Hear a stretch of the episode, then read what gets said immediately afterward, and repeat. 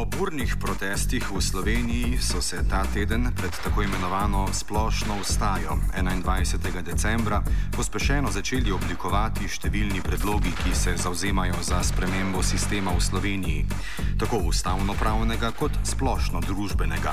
Zato je dožnost Radija Študent kot kritičnega medija podeliti besedo skupinam, ki spremembe predlagajo in niso v zadostni meri prisotne v trobilih množičnega diskurza in javnem družbenem prostoru. V ta namen smo spregovorili s predstavniki rdečih radikalov, piratske stranke, A-Infošopa na Metelkovi, društva Erasmus Student Network Maribor, ki je organiziralo Revolution Jungle Party, Matjažem Hanškom iz stranke trajnostnega razvoja Slovenije in še z mnogimi drugimi. Za začetek poslušajmo Matjaža Hanška, ki se veseli veliko predlogov, ki se porajajo o spremembah v družbi, je pa tudi delno kritičen do prevelike paušalnosti in nereflektiranosti nekaterih predlogov. E, ravno to, kar ste opazili, ne, e, se lahko začenja z množico drugih e, čudnih predlogov uničevati. To pa ne mislim, da nalaž. To je lahko, marsikdo dela to iz veselja ali pa iz pripričanja, da ima prav, iz zelo poštenih namenov, ampak uh, vse le ni uh, dobro, tudi če dobro misliš, uh, se veste tist, uh, kam nas vodijo dobri nameni, je pod tam in tam. So pa, kar se pa bojim, še hujše lahko to provokacijo, ki jih oblast nalašč eh, pod tak ne pošilja. In če bi tole recimo predolg časa trajalo, me je strah, da se lahko potem seveda, če se ta eh, upor proti eh, oblasti eh, ne artikulira dovolj zgodaj, začnejo pravljati taki, kot so recimo v zgodovini se iz podobnih protestov zgodili ali SR, Java Srajčniki ali pa Mussolini, če se, se zelo eh, grobo eh, rečem, sem prvičen, da nas ta trenutek ne more biti, ampak gre v to smer. Tako da eh, tukaj se z vami strinjam, da je lahko to, čeprav po drugi strani sem pa zelo prepričan, da je pisanost eh, idej dobra. Ne? hipi. Torej. Podpredsednik Slovenske piratske stranke Andrija Pušič nam je predstavil predloge njihove stranke glede političnih sprememb v Sloveniji, ki so jih objavili ta teden. Torej, pirati smo želeli izpostaviti uh, stvari, ki so dejansko nekje v uh, bistvu celega, cele situacije ne, in teh težav, ki jih vsi vidimo, pa so tudi ob, ob enem tudi blizu, blizu našim programskim izhodiščem. In izpostavljamo pravzaprav eno stvar, ne? in to je transparenca ali pa razvidnost, ne? mogoče malce bolj po domače povedano. Transparenco vidimo trenutno, bi radi izpostavili na, na dveh področjih. In sicer v javnih poslih, kjer je lahko eh, nekakšno zdravilo za pač vsta klientelizem in korupcijo, ki se dejansko razpasla okoli teh javnih poslov. In uh, prva stvar, katero moramo doseči, je to, da sploh vidimo, kaj se dogaja. Ne. In če hočemo videti, kaj se dogaja, če hočemo vedeti, kaj se dogaja, rabimo več transparence. Ne. Druga zadeva je pa transparenca v, na politični sceni. Ne. Uh, politično sceno pač zasedajo obrazi, ki so se zelo lepo izurili v vseh teh eh, zadnjih, recimo, 20 letih in dejansko politiko vidijo kot neko veščino vladanja in uh, jo vidijo kot poklic. Ne? In bolj gre nekako za samo ohranitev. Ne? In potem se grejo med sabo in znotraj sebe razno razne igrice, s katerimi, s katerimi uh, ohranjajo svojo, svojo pozicijo. Ne? Tudi tukaj je transparenca ključna. Ne? Tudi oni in znotraj sebe in med sabo ne morejo nastopati bolj razvidno. Ne. In uh, ko se bo to zgodilo, bodo ljudje dejansko vedeli, kaj se dogaja in potem se bodo lahko sproti pravočasno vključevali v te zadeve, se da njih opredeljevali in jih čutili za svoje. trenutno pa to sceno vidijo popolnoma oddaljeno, ne? nekaj, kar se dogaja nekje v nekem zakulisju. Transparenca. V času protestov 21. decembra bodo v Kranju organizirali dogodek Zlati prehod, s katerim želijo v družbo kako pak prenesti pozitivno energijo, govori ena izmed organizatork dogodka Katja Zupan. Kot veste, 21. decembra in 22. decembra organiziramo dogodek eh, Zlati prehod z namenom v bistvu dejansko nekako povezati pozitivne ljudi um, iz cele Slovenije in ustvariti uh, tako rekoč um, eno prijetno druženje z namenom uh, pozitivnega naravnanja um, na splošno, ne samo v Sloveniji, ampak tudi v svetu. Um, in mogoče za proti tež, ker se dogajajo istočasno tudi demonstracije oziroma se bodo dogajale, ne, želimo pa seveda z pozitivno usmeritvijo malo pomagati uravnotežiti to tehtnico. Dobro, kako pa vi gledate, ali pa ti gledaš na to energijo, ki vlada na demonstracijah, se ti zdi pozitivna? Jaz se zelo, zelo želim, da bi bila ta energija pozitivna, da bi ljudje ne živeli v kakršnem koli strahu ne, in da bi poskušali res z močjo misli in pač srca doseči to, kar pač želimo vsi skupaj doseči. To je enostavno, da bi uh, poskušali živeti uh, bolj uh, v ravnovesju, bolj povezani med sabo, bolj um, enostavno srčno v odzivu, ne vsi.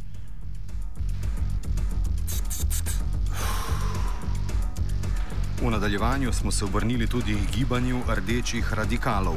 Govorili smo s članom gibanja Milanom Mardenovičem. Ja, no, rešitev, ki jo mi v rdečih radikalih vidimo, je v spremembi družbene ureditve. In uh, ta rešitev prinaša revolucijo v smislu, da se družbena ureditev spremeni.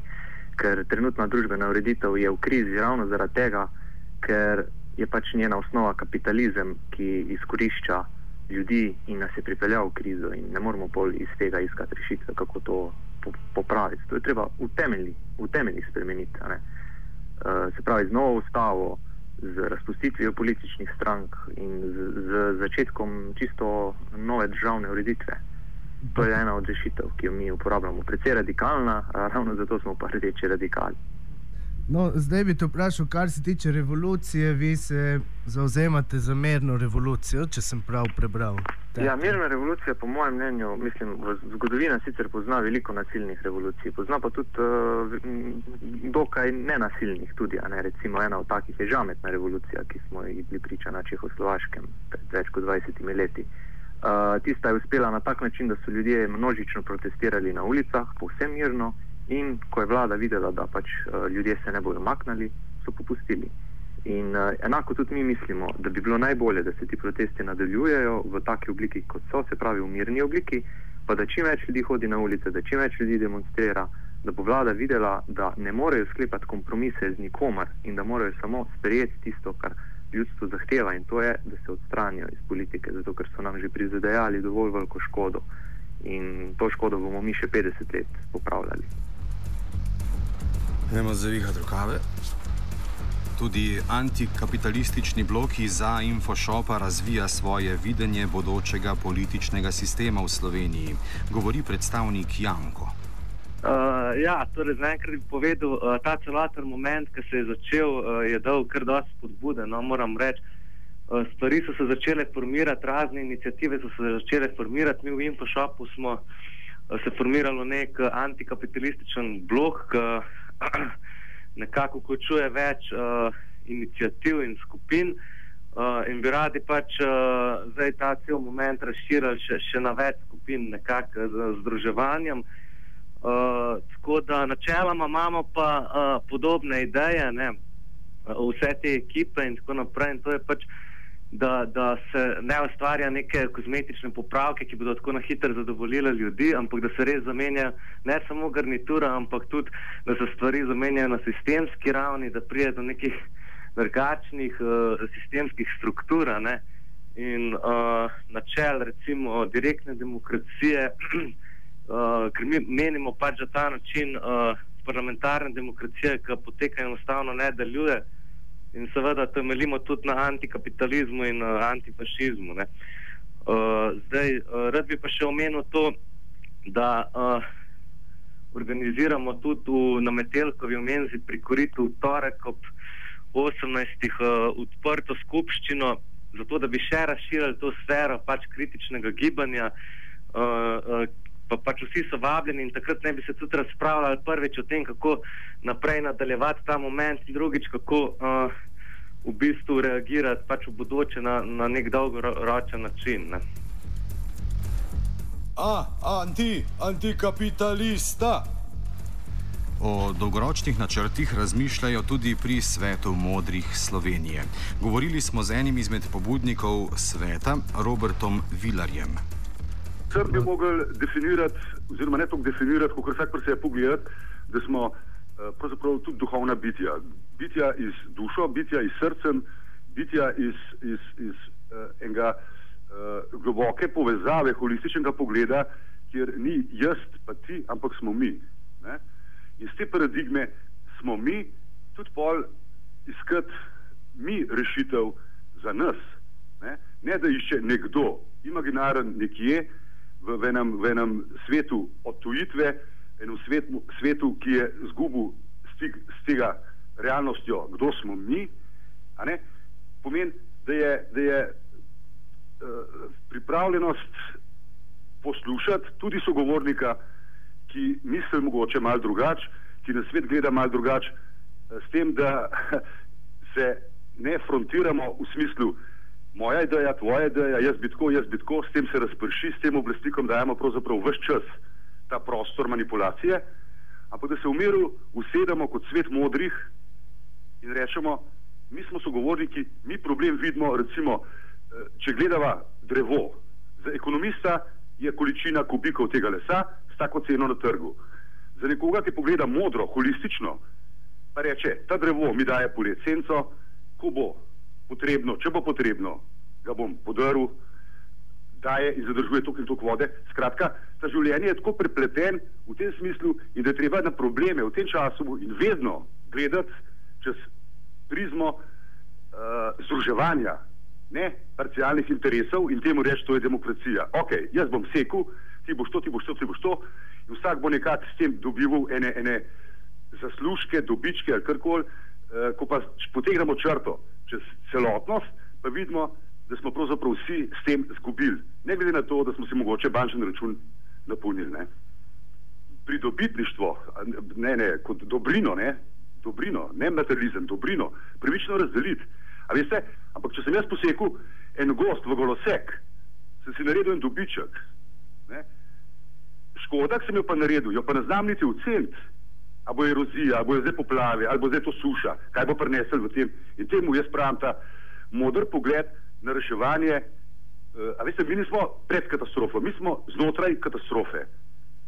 Ni čez 20 let bo pa nastala, ne vem, ozonska luknja. Ozonska luknja je že 20 let, 30, ne? In je stvar treba imenovati problem in ga začeti zdraviti. Zdraviti ljudi, zdraviti pravzaprav sami sebe in zato dajem kot dajmo govoriti tudi, da smo duhovna bitja, brez religije, da me ne kdo narobe razumel. Ampak mi smo ljudje z, z srcem, z nasmehom, z ponosom, z veseljem. Mi smo samo ljudje kot, kot ena kolateralna škoda kapitalizma, ki ga izkoristiš, zavržeš, izpluneš. A veste, pravica do dela ni pravica, da dela 80% ljudi, 20% je pa na čakanju.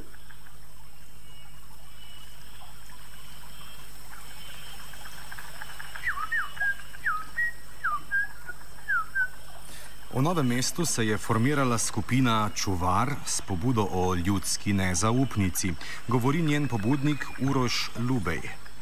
Stvar je pač uh, ta ljudska nezaupnica. No, glede tega smo, mislim, da se javnost to v glavnem da pozna. Gre za to, da, da se pač v pravni red upeljejo inštrumenti, mehanizmi, s pomočjo katerih bomo od, odpoklicali oziroma dal nezaupnico, razrešili pač funkcionarje ali pa, ali pa celo recimo državni zbor, ukolikor pač ta izgubi zaupanje uh, državljank in državljanov uh, ali pa župana recimo ali pa poslanca, no to so v bistvu, tri, eh, to so v bistvu ta zahteva za ljudsko nezaupnico. Druga stvar je to, kar smo povedali pred Cankarjevim domom, kjer smo v bistvu glavna točka je pravzaprav to, da, da menimo, da se pač uh, Slovenija ne bo prišla iz te globoke, pač uh, recimo moralne, politične in socialne krize, v kateri se nahajamo, dokler ne bo uh, odstopila uh, politična elita v Sloveniji, se pravi vlada in parlament, ne, in dokler pač uh, ta politični razred ne bo enostavno se stopil iz oblasti, toliko časa po našem mnenju uh, ne bomo naredili resnega koraka pač, uh, k resnični demokraciji pa naz nazaj k, k socialni državi. Uh, to, no, in zdaj ta, ti, uh, glede, mogoče glede očitka še, no, da, da, smo, da smo ukradili uh, revolucijo, no, če tako rečem, bolj, da bo stvar jasna. Uh, Zdaj jaz raz, razumem, no, na nek način razumem to, to eh, jezo tistih, ki, eh, ki na ta način pač, so to dojeli, no, ampak bi pa rekel to, da smo mi vse čas povdarjali, da govorimo v svojem imenu, ne, se pravi v imenu pač, skupine, ki je dala predlog za ljudsko nezaupnico in še v imenu pač inicijatorjev dveh Facebook skupin, se pravi Janez Janša naj odstopi kot premije in uh, krič, skupine Kričtač. Ne, je pa jasno, seveda, da mi smo vsem skušali no, sprožiti ta proces, uh, spro, skušali smo sprožiti proces pač artikulacije zahtev ne, in, smo pač, mm, in smo pač to naredili, no, ker uh, prej ali slej to bo potrebno narediti na nek način. Ne. Zahtevamo hitro in učinkovito sojenje vsem, ki so na nezakonit način pridobili premoženje. Na svoj način so se vprašanja bodoče slovenske družbe lotili tudi v društvu Erasmus Student Network s projektom Listen to the Jungle oziroma Jungle, v okviru katerega je bil ta teden v Mariboru izveden Revolution Jungle Party. Urša Možina je ena izmed pobudnic projekta. Uh, torej projekt se imenuje Listen to the Jungle. Uh, jungle je v bistvu nova beseda, ki je izložena iz uh, angliške besede young, mladi in pa jungle, džungla, tako da se izgovori jungle. Um, projekt sam po sebi je namenjen temu, da mlade zbudimo, da se uh, najdejo, da ugotovijo, da obstajajo neki problemi v družbi, da se zavejo, da so, kako je situacija dan danes, da v bistvu univerza, izobrazba ni vedno dovolj um, da pogruntajo, kaj v življenju v bistvu hoče doseči, um, in pa da potem tudi nekaj za to naredijo, da te svoje cilje uresničijo. Torej, mlade želimo prepričati, da namesto da sedijo doma, uh, gledajo televizijo, visijo pred Facebookom, uh, da naredijo nekaj koristnega. Ne? Seveda so univerza, študij, zabave in druženje s prijatelji ravno tako pomembni, ampak samo da nima človek samo teh stvari v življenju. Ne? Um, torej v sredo, 12.12. 12. se je zgodila Young Revolution v V-parti.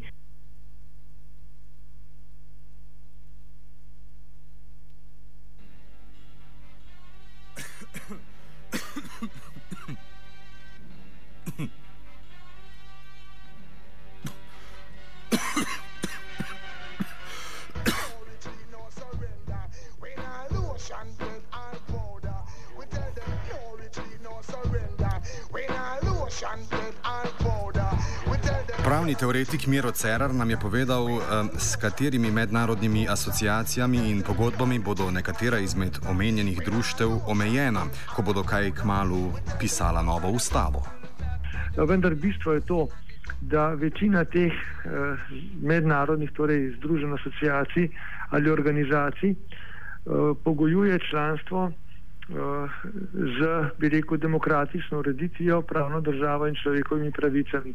Tako da pravzaprav mi seveda lahko dokaj suvereno spreminjamo svojo ustavo v marsičem, se moramo pa zavedati, da če bi seveda radikalno posegli, da nimo na področje človekovih pravic ali demokracije oziroma demokratičnih institucij, institucij pravne države, da bi recimo tukaj bistveno poslabšali standarde, bi bil to zagotovo alarm v nekaterih od teh mednarodnih organizacij, ki bi seveda zastavljal vprašanje tudi, ali smo še lahko oziroma ali smo še primerna članica. Tako zagotovo ni niti ne samo v našem, bi rekel, primarnem notranjem interesu, da bi slabili te institucije, ampak tudi v torej, našem tem mednarodnem interesu, seveda ne more biti, da oslabimo demokracijo, pravno državo in varstvo teh pravic, ki sem jih omenil. No, eden od problemov pa je ta, da človekove pravice so večinoma samoumevne, ampak se veliko krat tudi povezujejo s točno določenimi ekonomskimi sistemi. In nekatere organizacije v Sloveniji imajo seveda pretenzije, da se radikalno spremeni ekonomski sistem, ki ne bi bil več tržno naravnan. Zdaj večinoma se govori, da demokracija in tržno gospodarstvo danes hodita z roko v roko, z roko v roki. Ali lahko katera asociacija v tem primeru Slovenijo izključi, če bi hipotetično sprejela neko radikalno tezo v ustavo, ki bi nasprotovala tržnemu gospodarstvu? Ja, zdaj, to je zelo kompleksno vprašanje. Na nje ne mogoče podati nek enostaven odgovor. Če samo razmišljam na to temo, ne rečem, da zagotovo demokracija tega tipa, ki smo si jo izbrali, predpostavlja tudi neko svobodo na področju podjetništva in torej tudi uh, konkurence na, pod, na področju gospodarstva. Se pravi, neka oblika kapitalizma je tukaj implicirana. Seveda imamo hkrati tudi v ustavi zapisano načelo socialne države in tudi nekatere socialne pravice, ki pomenijo precej pomemben korektiv kapitalističnemu, bi rekel, načinu gospodarjenja in tudi funkciji lastnine. Ne na zadnje smo v ustavo izredno zapisali, da je naša lastnina ne, torej vezana tako ekonomsko, kot tudi socialno in seveda celo ekološko. To se pravi, mi imamo že v ustavi, v ureditvi same varovalke, ki bi, če bi jih seveda dosledno spoštovali, preprečevali nek divji kapitalizem. Je pa res, da seveda kapitalizem, kapitalizem ima neke imanentne slabosti, pomankljivosti, ki jih tudi zdaj v tej fazi čutimo. In jaz mislim, da neke spremembe na tem področju so seveda spremljive. Predaleč pa le verjetno ne moramo iti, kajti potem bi seveda postavili pod vprašaj eh, temelje ustavnega sistema in mi se moramo zavedati, da pravzaprav mi imamo sistem, ki je zelo kompatibilen z sistemi vseh drugih evropskih držav, z Evropsko unijo kot tako. Il a participé aux Jeux de 1924 en gymnastique. Leon Stukel de Slovénie, 97 ans. Na koncu pa Hanžek spregovori še o revoluciji izven zakona in pravnih okvirov na licu mesta. Če eh, delaš izven ustave in izven zakona, je to sicer revolucija, kar je sicer tudi fajn, samo eh, revolucijo izpeljejo tisti, ki so najbolj organizirani. Ne? To pa seveda niti protestniki niso, niti eh, eh, druge izven parlamentarne stranke nismo, ampak mislim, da celo najbolj organizirana je stranka, ki proti kateri protestirajo. To je eno. Drugo, eh, eh, če eh, imaš nezakonite ali pa neustavne predloge, eh, lahko vlada reče, prostite, mi smo tukaj, da branimo ustavo, kar je sicer res, ampak je marsikaj ne. Eh, in eh, ne bo poslušala ljudi. Ne? Če pa, mm, to, je, to je problem. Mišljeno, da jih bojo tudi eh, podprli tako Evropska unija kot eh, eh, Evropsko sodišče za človekove pravice, da morajo pač, da moraš delati po zakonih. Ne? Mi ja. pa res tudi, da je ustava pač neka materija, ki se s časom spremenja. Um, in tudi vse zahteve, morda, ki niso nujno v skladu z ustavo, pa vendarle niso nujno nelegitimne še za to. To se absolutno strinjam. Uh, ampak uh, drug, druga stvar je, da uh, je treba ustrajati in zahtevati uh, spoštovanje ustave, tudi od onih. Uh, in, kot ste pa že sami rekli, imajo izgovor in jaz ne mislim, da bojo oni rekli, da eh, bojo ustavo, eh, njihov, njihov argument bo, da eh, bojo, eh, to bo njihov argument, da ne bojo prisluhnili, ker reče, mi branimo ustavo in, in seveda jo bo, tudi bojo. Eh, pa še nekaj bi rad rekel. Glede, ko sem jaz bil varuh, sem gotovo da največkrat, kadar nočejo kaj spremeniti, eh, rečejo, zakoni so za nič in demo zakon spremeniti in seveda pa si dve leti se nič ne zgodi, ker pač eh, se zakoni spremenjajo. Sem pa prepričan, da je v, uh, tako v zakonih kot v stare ustavi dovolj uh, materije, dovolj stvari, dovolj stvari napisano, da lahko uh, izpeljemo vse, kar, kar je potrebno. In uh, potem zakone in ostavo spreminjamo kasneje, ko se stvari pomirijo, uh, ker drugače veste v, uh, v histerični, pa ne mislim, da je zdaj glih kakšna posebej histerična situacija, zelo normalna je. Uh, ampak v taki situaciji eh, gre marsikar kaj bolj narobe in eh, se lahko zgodi, da bo celo slabše kot je zdaj. Children of the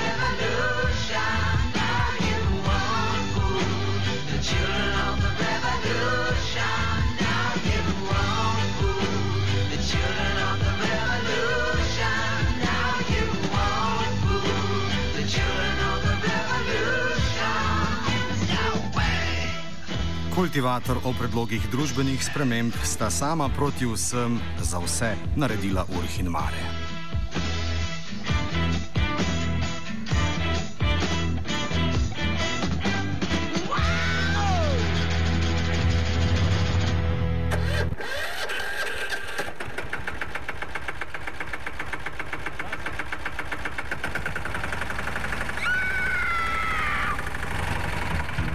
Kaj pa je to? Ja, kultivator. Gre za neko vrsto apatije. To lahko reče samo kreten, noben drug. Socialni invalid in ga je ne mogoče urejati. Drugi kandidat. Pa, pa pije, kadi, masturbira, vse kako ti lahko reče. Nihče tega ne ve. Vsak petek skultiviramo dogodek tedna lahko po kriterijih radio študent, težko pa po evropskih kriterijih. Ampak na drug način, kot vi to mislite. Kultivator vedno užge. Da pač nekdo sploh omenja probleme, ki so, in da pravzaprav sploh nekdo sproži dogajanje uh, v družbi. To drži, drži.